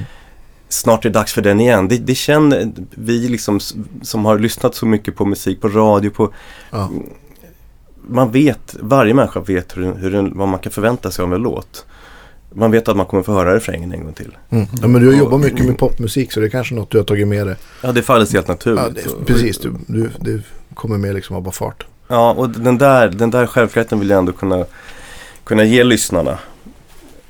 Och ska det komma ett megalångt outro, då har det också en tanke av att, liksom, att nu försätter vi lyssnaren i ett nytt mode som liksom då är liksom avrundning på det här. Mm. Så ja, Mm. Ar- arrangemangen, det lägger jag mycket tid på. Ja, för intressant. Vi ska Ja. se här efter Spotify-listan om man Absolut, vi, det, kan bena ut det hela. det ska vi göra. Ska vi, ska vi gå till på live-ljud? Ja, Kanske? Jag har stått här och skakat av ex extas. Absolut. För det här är ju jätteproblem. Jag tycker att fan folk kommer att klaga på um, Acke live-ljud hela tiden. Det låter så lineat, det låter så ja, knäppigt och ja, ja. konstigt helt enkelt. Och det gör det i jättemånga fall också. Men hur har du löst det för att få det så bra som möjligt live och användbart? Ja, jag har prövat massa olika varianter. Och jag använder två mickar alltid. Jag började mitt micksökande med magnetisk mick liksom. Mm. När, när, när Sunrise liksom var det som De är var ganska det, stora. Var det ljudhållsmickar. det som man hade liksom. Ja. Så jag kommer lite från den bakgrunden. Så jag har alltid haft med mig en magnetisk mick i, i, i min setup. Mm. Men nu för tiden har den liksom en väldigt liten del av, av ljudbilden. Det, det, som, det som lirar, det som vi hör är den som sitter då klistrad under stallet. Sådär. Och jag, nu, nu jag, använder jag eh, DiMarzios Black Angel-serie. Okej.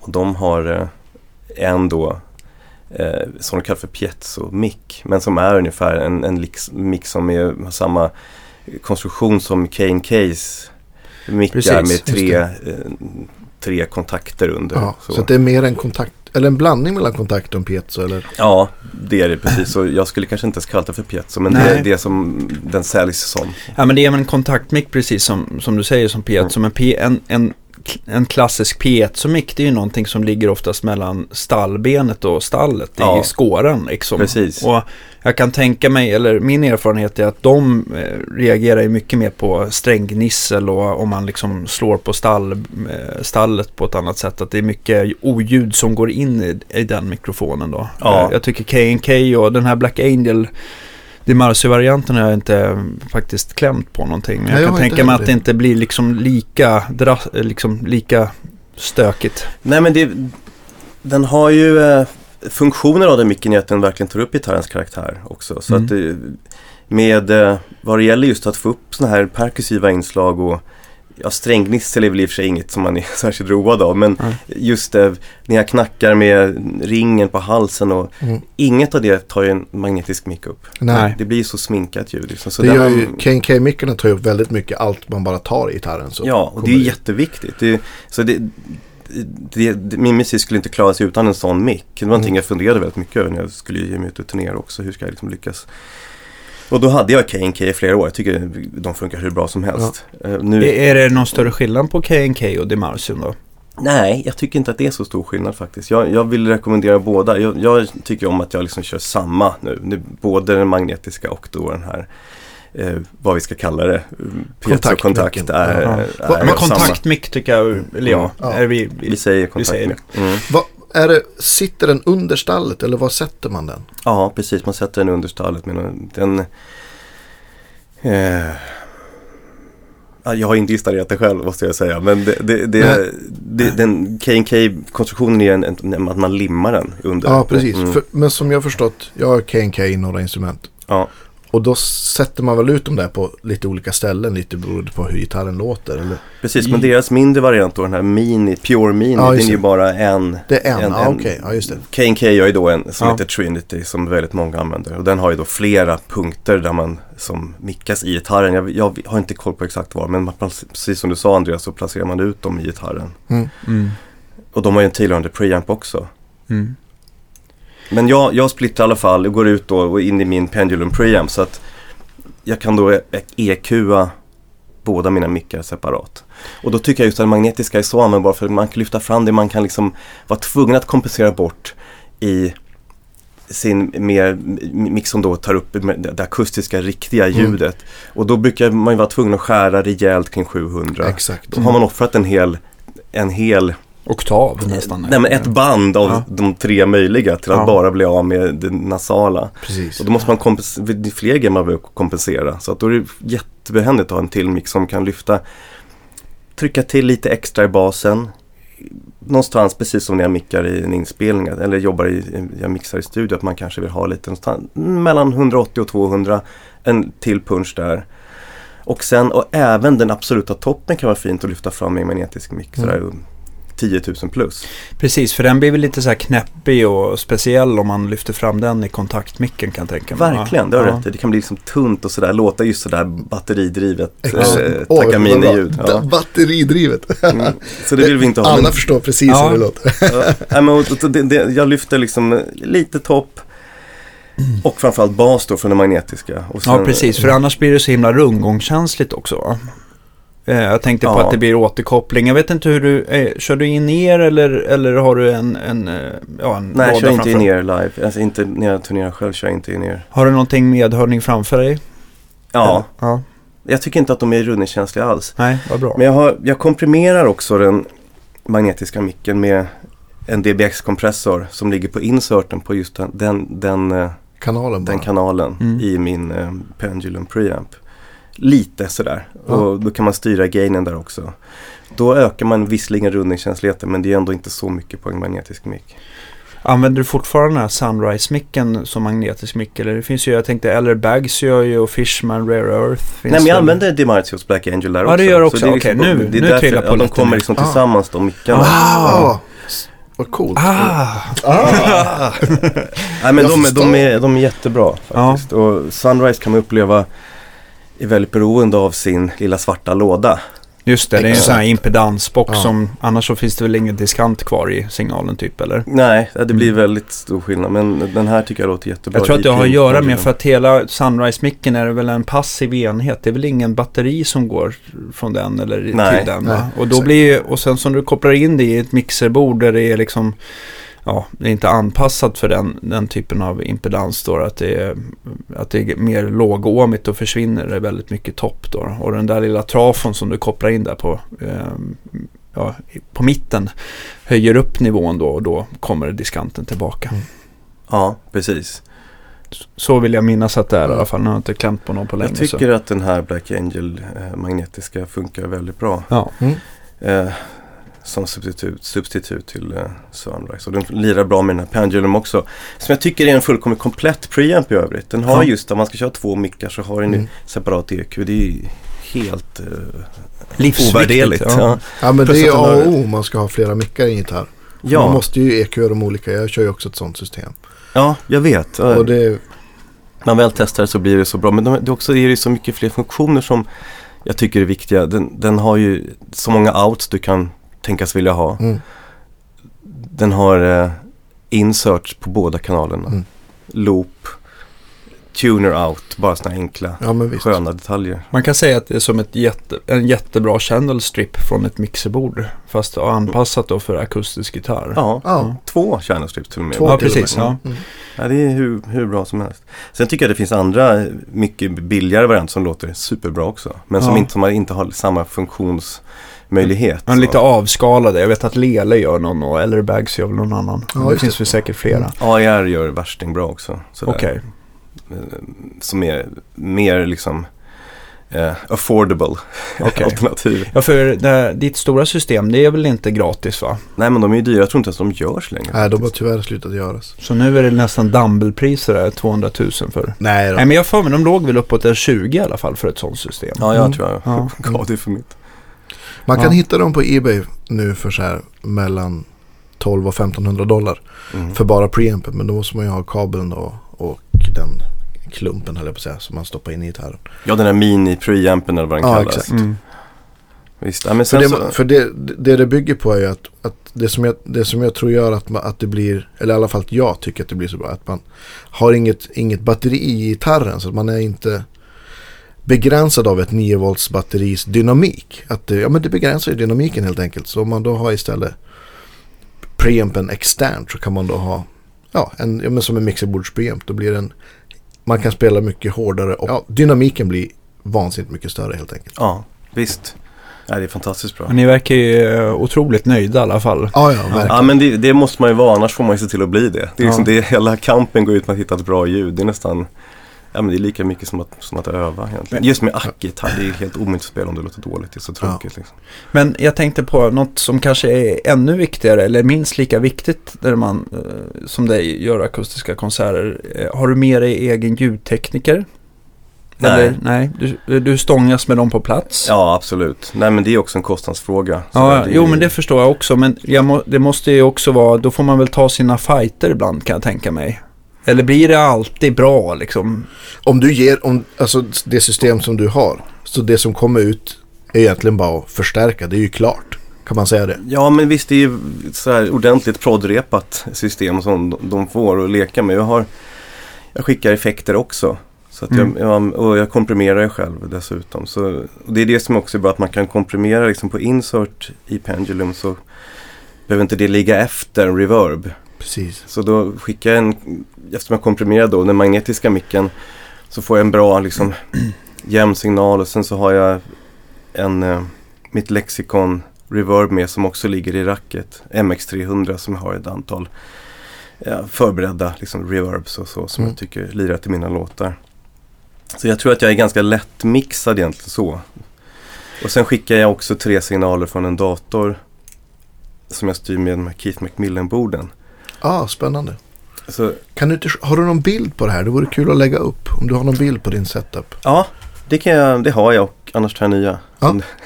Så, men jag, skickar, jag lirar också bas då live med, eh, med foten från ett sånt där Keith Macmillan midi-styrt som då eh, jobbar mot en, en bas i mainstage. Ah, vad coolt. Ja, så kan man liksom lägga, ni vet man behöver bara en Bordun. ettor. Så här. En, Ja. ja. precis, med en bordun eller faktiskt bara byta en gång per takt. Liksom. Det är, Så att det ligger liksom en boom.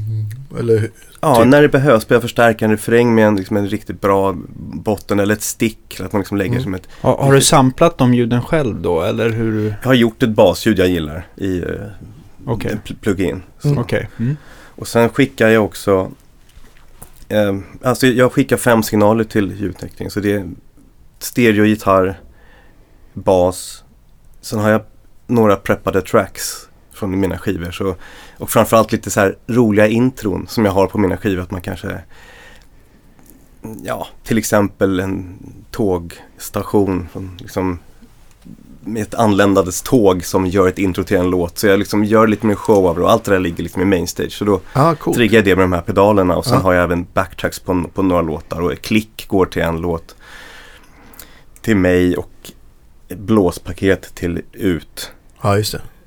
Så det, det, det krävs sina fem signaler Okej. för att leverera liksom showen sådär. Men Mm. gitarrpaketet är ju bara stereo ut från, från riggen så att säga. Men är du, är du ute i lokalen väldigt mycket och försöker lyssna på vad ljudtekniken har ändå rattat fram? För jag kan ju tänka mig Ibland, jag kan bara se det här framför mig, eller jag har varit med om det så många gånger själv när man kommer framförallt så här Tyskland, Spanien eller Mm. så kommer man till någon långhårig ljudtekniker med någon Metallica t-shirt och sen så liksom vet man att nu, nu får man kämpa lite grann för att få, få att det inte ska EQas jättekonstigt då, eller eh, Jo, men, men jag, tycker man måste visa dialog med ljudtekniker. Den eh, relationen är liksom extremt viktig. Mm. Jag tycker man ska spela, sköta sina kort väl där. Man ska ju vara noggrann, visa Ja. att jag har väldigt bra, ett högt kvalitetstänk. Mm. Mm. Men samtidigt ge utrymme. Och för att det ska vara kul att jobba med en. Det ska Mm. finnas en välvilja genom hela giget att göra det Mm. bättre och bättre och bättre. Och är Mm. man liksom för jobbig, man är själv jobbat med jobbiga artister. Det, liksom, det, det skänker ingen bra vibb. Liksom. Nej. Det, Nej, det Jag- sänker jag- hela grejen. ja, jag, jag fokuserar, visar att jag har koll genom att vara väldigt, väldigt noga med min egna monitor. Mm. Och då har jag också visat lite hur, vilket sound jag vill ha. Ja. Sen för det mesta brukar jag lita på ljudtekniker men såklart ta en liten en check men ändå förstå att den här Mm. personen kan det här rummet bättre än jag. Mm. Så, så jag lägger absolut fokus på min egna scenupplevelse än på eh, utljudet när jag är ute och gör. Ja men det är precis, så trivs man bra själv så brukar man ju spela bättre också. Ja, verkligen. Det, Mm. Det, man, precis samma känsla som när man sitter med gitarren i knät måste man kunna få live. Det ska liksom vara starkt, inte runda. Jag måste få att det svarar liksom när det, när det, är, när det ska vara liksom ett, ett eh, funkigt eller rockigt riff så måste det ge den där, det där trycket. Mm. Jag ska inte behöva spela för hårt. Nej, Jag ska inte behöva, inte våga spela för hårt. Så. Mm. Men jag kan också det som man märker med dålig, dåliga monitors framförallt, om det står, vi ska inte hänga ut massa märken här, men så här lågprismonitor, det är att man känner att det, rundgången kommer mycket snabbare, fast det är ingen tryck alls. Mm. Det är bara distar liksom, så att man kan få ofeeling av det. Och jag kan tänka mig också, om du hör dig själv för dåligt, då måste man väl liksom också kompensera det med att man spelar annorlunda tänker jag. Och då kanske det blir annat som blir lidande soundmässigt och sånt där. Så Då att, spelar eh, man ju för hårt, det blir Ja. dåligt. Det blir Ja, dålig det, är ju musik av det, det är ju det faran med akustisk gitarr, man inte hörs man spelar för hårt. Ja, Och då, jag tycker att allting dör då. verkligen. Både tonen och händerna dör liksom. Ja. Av, Upplevelsen blir kass för publiken Mm. om, om man, för man tappar dynamiken. mm, Och det är där det sitter. Liksom det, upplevelsen kommer så mycket av att man kan, kan gå ner rejält på vissa partier och ändå behålla, ändå att det ger den där värmen och, och volymen som man behöver som lyssnare. Mm. Och står man på scenen och hör sig själv då, då tror man inte att det finns det där headroomet. Då spelar man ju bara starkt, ta sig igenom, man kan ju till och med gå upp, man kan ju till och med gå upp i tempo. För att man Mm. blir stressad över att det inte riktigt eh, svarar. ja så. men exakt. Mm. Har du, kör du någon uh, looppedal och sådär och spelar till också? Gjorde förut. Ja. Lagt ner ganska mycket jobb på, på jobba med loopar men har liksom givit en lite, rätt mycket eftertanke. Så jag tycker trots allt att det jag gjort i studio låter bättre än Mm. det jag kan skapa live med looppedal. Mm. Så har jag ett perfekt beat jag har skapat genom att liksom slå på gitarren och liksom klippa ihop det och Mm. mixa det. Då är det roligare för mig att bara lägga in det i loopen i mainstage, klicka igång det och sen har vi liksom uh, härlig musik. Ja, just det. Jag har ju stått liksom, det, det är utmanande att stå på stora scener och ha ett helt intro som bygger på en looppedal liksom och så ska det, Ska du sätta loopen först? ja. Ja. Och jag vet inte om jag tycker att, jag har egentligen inga dåliga upplevelser av det men jag, jag minns att jag har, det är alltid viss ansträngning. Mm. man, att, att, ens utrustning ska vara så ändå stå för det sista ordet egentligen. Ja, men det- är det utförandet som ska stå i centrum. Jag, jag kan känna också att det blir, förlåt jag bryter av, men att man, att man kanske, att själva showen vinner på att ha vissa saker inspelade. Jag gjorde för, ja ett gäng år sedan, måste vara 12 år sedan kanske, så gjorde en, en lång eh, turné med så här, samisk teater och jag var den enda musikern. Mm. Och då hade jag flera looppedaler och då, och då hade jag en sån här bosspedal där jag sparade vissa loopar som jag hade liksom några grejer som jag hade spelat in hemma för att just för att det inte, ett, inte skulle gå att återskapa men kanske framförallt för att det skulle stoppa upp flödet i hela showen att jag skulle bara göra det här den här bordunen och det här landskapet och sen skulle jag kunna börja spela det jag skulle kunna göra så det skulle bli liksom ett glapp på kanske 30 sekunder Ja, och det, vi försökte det men det blev, det blev dåligt så vi valde också att ha vissa saker klara. Och sen resten var liksom spelade man på eller improviserade liksom. Jag, jag, jag, jag håller med och det, det finns liksom också en viss typ av profilering i det här. Men har man mer än max två låtar på, på ett set där man loopar med looppedal. Då Mm. blir man den där loopande artisten. Han jobbar med looppedaler men det är kanske inte alls det man står för. Det kanske, Nej. jag ser bara loopar och sånt som ett komplement för att kunna återskapa viss del av mina studioproduktioner. Mm. Och hur det låter ut får liksom stå i fokus. Mm. Och ni vet den här lilla ångesten när man drar igång en loop och sen så märker man ah, ah, vid, vid tredje layers liksom så bara, nej men Det är lite det hugger lite ändå så här var, var annan, annan takt så att det inte blir riktigt, riktigt skönt sväng. Nej. Så mycket skönare att bara ha preppad, svinbra Ja, loop. Som ändå har jag skapat från början, någon annan gång. Och sen finns det också så många artister som faktiskt har loop som sin grej. Som är fullkomligt ekvilibristiska på det. Ja men visst. Och jag tycker liksom också att jag vill inte ens göra anspråk på att ge mig in i den världen. Jag vill, ju vara, jag vill spela fin gitarrmusik och Mm, mm. göra det bästa möjliga liksom ut efter mina studioproduktioner. Mm. Så, så ja, nej, jag har lagt ner det helt enkelt. Kör du, eh, jag tänker datorn då, då, måste du, då kör du den på något ljudkort då. Såklart. Eller hur? Ja, jag, jag har eh, fyra ut ljudkort. Så mm, ja, jag kan skicka separata då av, Mm. av eh, vad jag kan tänkas behöva. Har, har du haft, eh, jag tänkte du måste ju frakta ett par gitarrer och flyga med dem och sådär. Eh, har du liksom investerat i någon eh, jättedyra hardcase eller har du alltid skonats från trasiga instrument sådär när du är ute och resor? Nej men det har hänt en och annan grej men det är inte mycket faktiskt. Jag har ju fina hardcase vars namn jag borde kunna.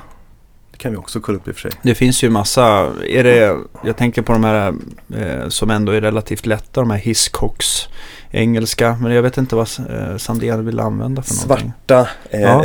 en, en, en kromad list som går runt. Eh, Ja. I reklamen står typ ett gäng gubbar och hoppar på den. Vet du vad, det är nog Hiscox, Ja, det låter så. Englands Ja. gjorda. Mm. Och sen så, nu vet jag inte, de har ju ändrat både till grått och eh, så här vinrött plyschaktigt invändigt. Men eh, ja, jag har varit, enda na- nackdelen, det beror på vilken serie man har, men det är att jag har råkat slå av handtagen några gånger. Så när det kommer ut på flygplansbandet så har, det liksom, så har man ingenting att hålla i. Jaså? Ja, då Mm. är det lite, inte lika kul men. Nej, det har inte hänt mina än. Det ju kanske inte är dem. som helst. Ja. Men annars är de jättebra. Eh, Ja. Händer det någonsin att du liksom eh, plockar med dig nylonsträngad gitarr? Eller är det bara stål för hela slanten? ja, nej men bara stål för hela slanten i mitt solouttryck sådär. Ja. Men, nej, men jag spelar ju nylon också men i live är det sällan faktiskt. När du, när du gör tv-giggen och när du är en elgitarrist, vad, vad använder du för någonting då? Fender främst. Fender, Strata, Tele? Strata Tele och så har jag också en Gretsch jag gillar. Okej. Det är det mesta jag går runt på. Har du ett lika stort och fint pedalbord som eh, Andreas här? Nej, jag hade ett nästan lika stort. Och det är där jag börjat slita loss och liksom, som jag sa, jag är mellan pedalbord för tillfället. Jag har Okej, inte bestämt vad en som ska vara klassiker. på Mm. nästa. Ja, så just, just nu har jag, har jag vissa enheter i, faktiskt i rack. Jag, jag kör, eh, jag gillar den här DBX-kompressorn jag också använder Mm. till min Acke-rigg. Jag har en likadan i min, eh, i min eluppsättning. Är den som jag- 160 eller? 163 är det. 163, okej. Går in i den först. Ja. Det, jag tycker det låter hur bra som helst på el också. Och sen via då de distar jag för dagen gillar. Nej men så använder jag sen TC Electronics GeForce för, för reverbs Ja. Mm. främst. Och även gillar jag delayerna där. Den har egentligen det Det är en mesta. gammal klassiker helt det är enkelt. det och Det är ja, den är, jag blev rekommenderad den för länge sedan. Ja, men jag Av tänkte... Erik kom- Brazilian faktiskt Aha. körde det då på den i alla fall. Och jag tyckte att han, det lät bra. Eh. Men också så vill jag ha, jag, jag tycker kul med rack. Ja. Så jag jag vill ha, jag gillar TCs reverbs. Mm. Så då använder jag, där kan man ju styra väldigt fritt faktiskt. Mm. Ja, du har inte upptäckt eh, något pedalreverb som har hållit måttet än så länge i alla fall? Nej. Punkt. Det var bra. Ja. Nej men jag vet att det finns däremot. Så jag ska Ja. inte säga, jag vet till exempel att Eventide har ju helt magiska reverbs. Så att jag har hört Mm. grejer jag gillar. Men jag, jag har inte använt något själv än som jag tycker, Ja. Mm. eh, går, enligt mina erfarenheter så vet jag vad jag tycker om. Så jag gillar, Ja. tycker om TC-saker. Så det hittar jag, ja men då, bra, då har vi reverben på en plats och sen så Delay också. Ja, precis. Så, Och så- det är främst distar liksom som jag har, som jag har in i stärken. Vilka, vilka, vilka distar är för dagen eh, favoriter då? Nu har jag Menatone gör en som heter Red Snapper som är en Mm, skön mm, overdrive. mm. Den har jag liksom alltid på nästan, Mm. även nere i cleant. Och sen använder jag Send-driven för lite, lite större distar. Mm. Men jag spelar ju med eh, den här eh, Fender eh, Custom Shop Tone Master. Master. Och den disten för stärken tycker jag också är jättebra. Den har ju lite grövre textur. Den, på, jag, jag ska inte, jag, den påminner liksom inte riktigt om något annat.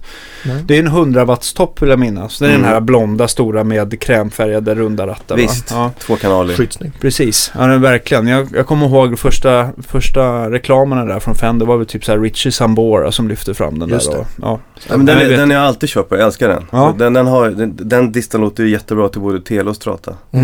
Sen vill man ha lite, lite mer drag så tycker jag sen det låter bra till, till min Gretsch då, Sparkle Jet. Ja, jag tror att det är många som gillar den där också för att den har ju lite speciellt slutsteg. Jag vill minnas i alla fall att den har ett, något som kallas för, alltså att den, den, är, den reagerar mera som en Vox-slutsteg. Nu är det, sitter det väl EL34 så här stora rör i den i alla fall Mm. så att det är inte de här små EL84 men att den inte har någon negativ feedback och det är många som gillar det för att det blir liksom stärkan blir, många tycker att det blir lite mer levande på något sätt sådär. Inte lika stift i alla fall, Ja. Mm. cleant. Så att, eh, ja. Det låter som det jag Ja. hör utan Ja. att veta bakgrunden till det. Ja. Kör, du, kör du den i, tisen i loopen på den då? Ja, Ja. jag har moddat om den så att loopen, den kommer ju med två loopar den där toppen. Så att Mm. den har en för dist och en för rent. Ah, okej. Mm. Det kan ju finnas någon dold fördel med det men det är ganska roddigt för måste man egentligen ha två setuper. Ja. Så att nu har jag moddat om den så den går... Richard, Richard Sambora har råd. Ja visst. Hade då i alla fall. Ja. Ja men så nu i alla fall så har jag så loopen går till båda kanalerna Just det, samtidigt. Okej. Ja. Byter du med någon midi-pedal om du ska byta program? Ja, På- egentligen bara en upp-ner. Ja. sådär. Eh, Men du rekommenderar någon tidigare som jag ska kolla in? Ja, men Musicom har jag looper på det där bordet som vi tittar på nu här. De gör vä- väldigt bra produkter som kan midi-styra och switcha in pedaler i loopar och grejer. Så, Mm. Mm. Mm. det- till exempel. Ja, de jag tycker lite favorit också sådär. De Mm. man har klämt och känt på. Men det finns många bra där ute. Ja, och ja, herregud. Det kommer en massa. Jag tänkte så här på loop-pedaler. Jag tänkte att det är många som, som gör reklam för, eller att det finns vissa av dem där som, som eh, att man kan byta ordning på effekter Ja, just det. eh, på looparna. Så här, eh, men är det någon som någonsin använder det? Eh, ja, Använder men, du det? Nej, jag använder aldrig. Men eh, Staffan Johansson, jättebra gitarrist. Spelar med Lasse Winnerbäck bland Okej. annat. Han gör det. Han gillar att ha, ha så att han kan dista, dista reverb. Så att han, han vet jag byter plats för att kunna göra sådana ljud. Hmm. Han är nog den jag kommer på så här rakt av. Ja, men ni får höra av er där ute om det finns. Mm. Jag, jag har inte fått prova så att det kanske... Ja, Jätte- jag, jag har aldrig haft någon, Användbart. Ja, jag, jag har... Då jag satte upp det jättestora bordet här så tänkte jag ganska länge innan hur jag skulle ha det liksom. Så att, så att den, jag är väldigt nöjd med den setupen och kände inte att jag behövde kunna byta någon ordning. Men det finns ju massa, ma- massa fördelar med att kunna göra det. Jag vet att Musicoms nya sån där loop switcher, där kommer man kunna byta ordning på effekterna. Ja, Så man, om man stackar två overrides kan man ha dem åt vilket håll man vill till exempel. Det gör ju Mm. jättestor skillnad på ljudet. Verkligen. jag ska ta kort Det är nästan ett, eh, ett podcastavsnitt. Ja. Stacka distar. Absolut, vi Ja. kanske ska ta det med det här jul eller någonting. Ja, han är ju bra till på det. exempel. Han Det finns ju många som är bra. Ja, Jag tänkte Micke Nord kan vi prata med det. ja han, gör ju, Han han jobbar ju väldigt mycket på det där också. Han är en stackarkille. Mm. Ehm, ja, nej men grymt. Jag tänkte, Ja. vad händer här nu framöver här äh, under 2017 för dig? Är det, är det liksom, ska du iväg imorgon på lång turné eller? Jag ska åka till eh, USA nu i februari och showcasea en turné vi ska göra med eh, Don Ross och Callum Graham som är två kanadensiska gitarrister. Mm. Vi satsar på att göra en USA-turné till hösten. Ja, kul. Och eh, sen åker jag till Italien i mars, även Tyskland och Malta i mars. Mhm. Och Italien i sommar igen. Eh, nu i, eh, i mars ska jag spela på ett ställe som heter Six Bar Jail som ligger i Florens. Som är ett ganska litet ställe, charmigt sådär. Som, som av någon anledning, kanske på grund av sin, sitt läge har haft väldigt bra artister där genom åren. Ja, kul. Alla spelar där förr eller senare men det är egentligen inget, inget större ställe. Så. så det är kul att få göra det nu. Det har varit bokat i över ett år. Hur, hur, hur flyger du med? Har du pendulum och kompressor i något rack eller hur? Ja, jag har rubbet i ett rack som Ja. jag försöker ta som handbagage bästa möjliga mån. I en sån axelremsväska höll jag på att säga. Typ. Ja, visst. Och så skickar du gitarrerna. Ja, Mm. visst. Och så har du necessären i racket också. Typ. Och datorn. Datorn i Ja. rack. Ja, man får göra sitt bästa för att det inte blir så mycket prylar. Livet som resande musikant. Merchandise i Ja. resväskan. Är, det, är det några planerade Sverigespelningar i år? Nej, det har inte varit mycket i Sverige faktiskt. Jag, ibland så gör jag ju liksom att jag kanske åker och gör en klinik och en kvällskonsert, så avstickar. Men jag har liksom inte någon turné planerad i Sverige. Okej. Det- Ehm, Hoppas att det kommer i alla Ja, fall så vi får chans att gå och lyssna på det. Ja men, men det är just det, det är ju det är, Jag gör turnéer sådär Mm. 10 dagar, 14 dagar på en, en plats. Och sen gör jag ju festivalspelningar runt om. Och Mm. där är det alltid intressant med internationella namn. Liksom. Så Uppsala gitarrfestival i Sverige har ju alltid stora internationella namn. Mm. På motsvarigheterna i, i andra länder så är, kan jag till exempel vara ett av de namnen för att jag Mm. är Exotisk. Från Ska- ja, Mm. Skandinavien. Så. Mm. så då har det varit eh, sådana, ett antal på olika Mm. härliga platser. Okej. Och, eh, Sen är inte sommaren helt spikad så det kan ju dyka upp kanske. Eller jag tänkte under resten av året att det trillar in någon Sverige. Ja visst, det kanske händer liksom eh, man måste göra sina val också. Jag, förra sommaren så gjorde jag ju då sommarkväll med Rickard Olsson och det är ju någonting som tar väldigt mycket tid och Mm. planering och eh, jag tycker det är en ganska viktig del jag sysslar med just här Mm. tv-biten. Så jag lägger inte gärna undan det. Så Nej. det Ja, men det förstår jag. Och då får man tacka nej till grejer som kan vara spännande också. Jag fick en jättefint erbjudande att åka till Kina i somras och göra min min musik på fin festival. Och, och hela grejen var som ett väldigt bra introduktion till Asien. Mm. Men det fick jag tacka nej till och så, så måste det få vara. Så att, eh, Mm. Ska man liksom ha flera horisonter som fokus så måste man också Jämka ibland. fimpa Ja. en del erbjudanden. Mm. Ja, men det låter ju som att du har en, en eh, kul vår. Ja, det kommer bli ett bra år. och- Visst, och Ja. sen eh, framåt. Och ny, ny musik också släpps på vinyl. Precis, och på, på stream-sajterna. Mm. Så det ska jag Facebook om när det, nu inom kort. Mm. När mm. det väl kommer ut. Bra. Mm. Stort tack för att ja, du verkligen. ville komma och vara gäst i ja, tack snälla ni. podcast. Ja. Det var Supertrevligt. Mycket, mycket trevligt. Ja. På återseende kanske. Ja. ja. Ha det så fint hörni. Ha det så bra. Hej. Hej.